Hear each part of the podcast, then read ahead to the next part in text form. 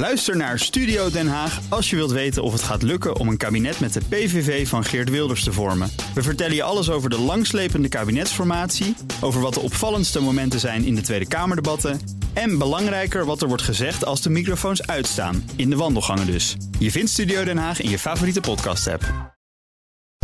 Crypto-update.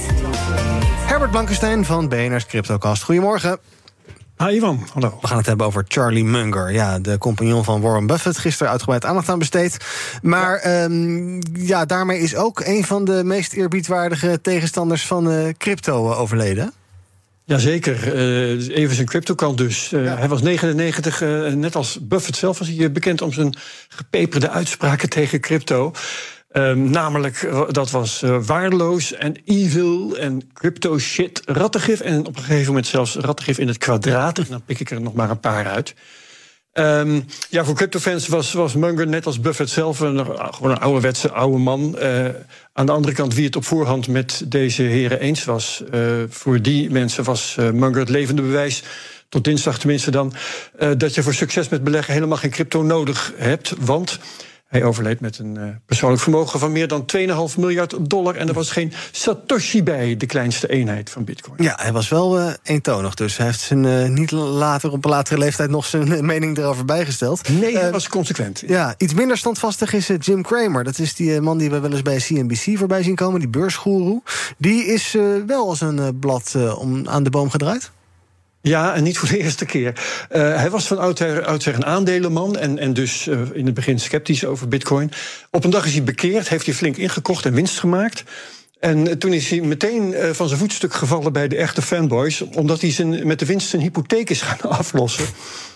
En um, medio 2021 heeft hij het meeste ook nog eens een keertje verkocht. Was niet de beste, het beste moment, want er was tussen twee koerspieken in.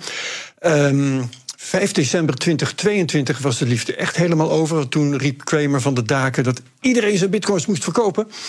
En dat was op een koers van rond de 17.000 dollar. Dat is 21.000 dollar lager dan op dit moment.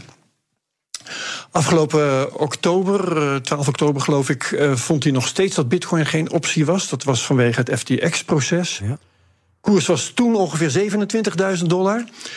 En nu wappert hij dus de andere kant op, op uh, bijna 38.000 dollar. En er zijn mensen die zeggen dat is een uh, verkoopsignaal. Als een Kramer zegt dat, het, dat je het moet kopen, dan kun je beter verkopen. Ja, precies. Uh, we gaan eventjes het blokje BNR Boulevard doen. Te beginnen met de zoon van ja. Christine Lagarde van de ECB. Die heeft oh, ja. twee kinderen, een, twee zonen geloof ik. Um, ja. Maar een van de twee die heeft ook een cryptoportefeuille en dat gaat niet zo lekker. Nee, en moeder Lagarde had nog zo gewaarschuwd.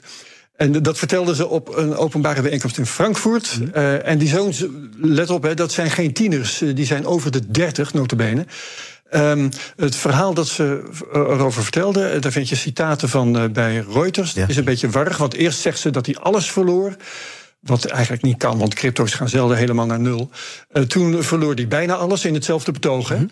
En uiteindelijk bleek het ongeveer 60% te zijn. Oh. Wat helemaal niet veel is. Want je moet bedenken dat Bitcoin is de sterkste crypto in, in de hele bear market geweest. Is maximaal 77% gedaald. Dus je kunt met hetzelfde uh, recht zeggen dat Lagarde junior een cryptobelegger is van formaat. Iemand die de risico's heel goed weet te beperken. Maar moeder Lagarde dus die zegt nu dat haar zoon met tegenzin, reluctantly, heeft toegegeven dat moeders toch gelijk had. En ik hoop alleen maar dat een financieel journalist in de loop van volgend jaar nog eens vraagt hoe dat saldo van Lagarde junior er dan voor staat. En uh, hoe Lagarde uh, senior, moeder, dan denkt over haar gelijk. Dat wil ik graag weten. Dan moeten we het ook nog even hebben over Cristiano Ronaldo. um, dan zou je denken, wat heeft die met crypto te maken? Nou, die krijgt de Amerikaanse advocaten achter zich aan. Dat heeft weer te maken met Binance. Ja, ja, ja. Er zijn drie Amerikaanse burgers die een klacht hebben ingediend in Florida. En uh, Ronaldo heeft namelijk in 2022 zijn uh, NFT's op de markt gebracht. Uh, ja, welke voetballer niet? Hè? Frenkie de Jong bijvoorbeeld is daarmee bezig geweest. Een aantal Britse voetballers. Ronaldo had verschillende collecties. Waarvan drie, drie collecties dus, hè, um, uitgebracht werden in samenwerking met Binance. En de aanklacht stelt nou dat dit in feite promoties waren voor Binance dat Ronaldo uh, niet heeft duidelijk gemaakt dat hij daarvoor werd betaald. Dat moet volgens de Amerikaanse wet. En dat dit mensen uh, heeft gelokt naar de producten van Binance. En die waren dan weer ongeregistreerde effecten. Dat is een kreet die je tegenwoordig veel hoort. Uh, bijvoorbeeld cryptorekeningen waar rente op werd gegeven. En ook uh, de eigen coin van Binance. Binance ja. Coin. Ja, dan zou je denken dat ze zich misschien bekocht voelen met die NFT's. Maar dat is dus niet zo?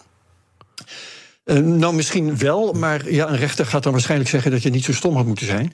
Um, nee, het gaat over de, de band van die ongeregistreerde effecten. Uh, ze onderbouwen dat met een betoog over zoekacties. Namelijk, als Ronaldo twitterde over zijn NFT's, ja, dan namen de zoekacties naar Binance toe. Ah. Want is een tikje vaag, vind ik hoor. Um, het is ook helemaal niet duidelijk of diezelfde mensen daarna ook echt die vermeende effecten hebben gekocht. Um, er is wel in, het hele, uh, in de hele aanklacht een tekst over Ronaldo dat hij beter had moeten weten en de financiële middelen zou hebben om zich beter te laten adviseren. En dan komt voor mij een beetje de aap uit de mouw, want Ronaldo is natuurlijk een partij waar wat te halen valt. Mm -hmm. Die misschien wel wil schikken om van het gezeik af te zijn. en ik denk dat als dat het geval is, dat we dat vrij snel zullen weten. Okay. Dus uh, stay tuned. Dan sluiten we ons blokje met bekendheden hier af. Beter goed gejat, hè? En dan gaan we nog even kijken wat er in de cryptocast zit deze week, Herbert. Hardware wallets, daar gaat het over. Crypto-portemonnees, die zijn in de vorm van een stick. Hè, je kent ze misschien ja. wel, die kun je bewaren zonder dat ze met internet in contact staan, dus dat is veilig. En wij praten met Danny Sanders van Trezor. Dat is een van de fabrikanten van die wallets. En Trezor is een bijzonder bedrijf, gelooft in open source. Dus zowat alle technologie die ze in die wallet stoppen, is openbaar. En iedereen kan dus de werking controleren, dat is één. Maar iedereen die voldoende handigheid heeft, die kan ze ook namaken en kan ze zelfs gaan verkopen. Dus Trezor brengt zijn eigen concurrenten in het zadel. Dus spannende vragen genoeg hebben we daarover. Die ga ik stellen samen met co-host Bart Mol van Satoshi Radio. En wil je dat horen, dan kan je dat uiteraard vinden in de BNR-app. Daar zijn alle afleveringen van de CryptoCast te horen. Herbert, dankjewel. Crypto Update wordt mede mogelijk gemaakt door Bitfavo, de crypto-exchange van Nederland. Bij BNR ben je altijd als eerste op de hoogte van het laatste nieuws. Luister dagelijks live via internet. Bas van Werven. En heel langzaam komt de zon op rond dit tijdstip. Je krijgt inzicht in de dag die komt op BNR, het Binnenhof in Nederland en de rest van de wereld. De Ochtendspits. Voor de beste start van je werkdag. Blijf scherp en mis niets.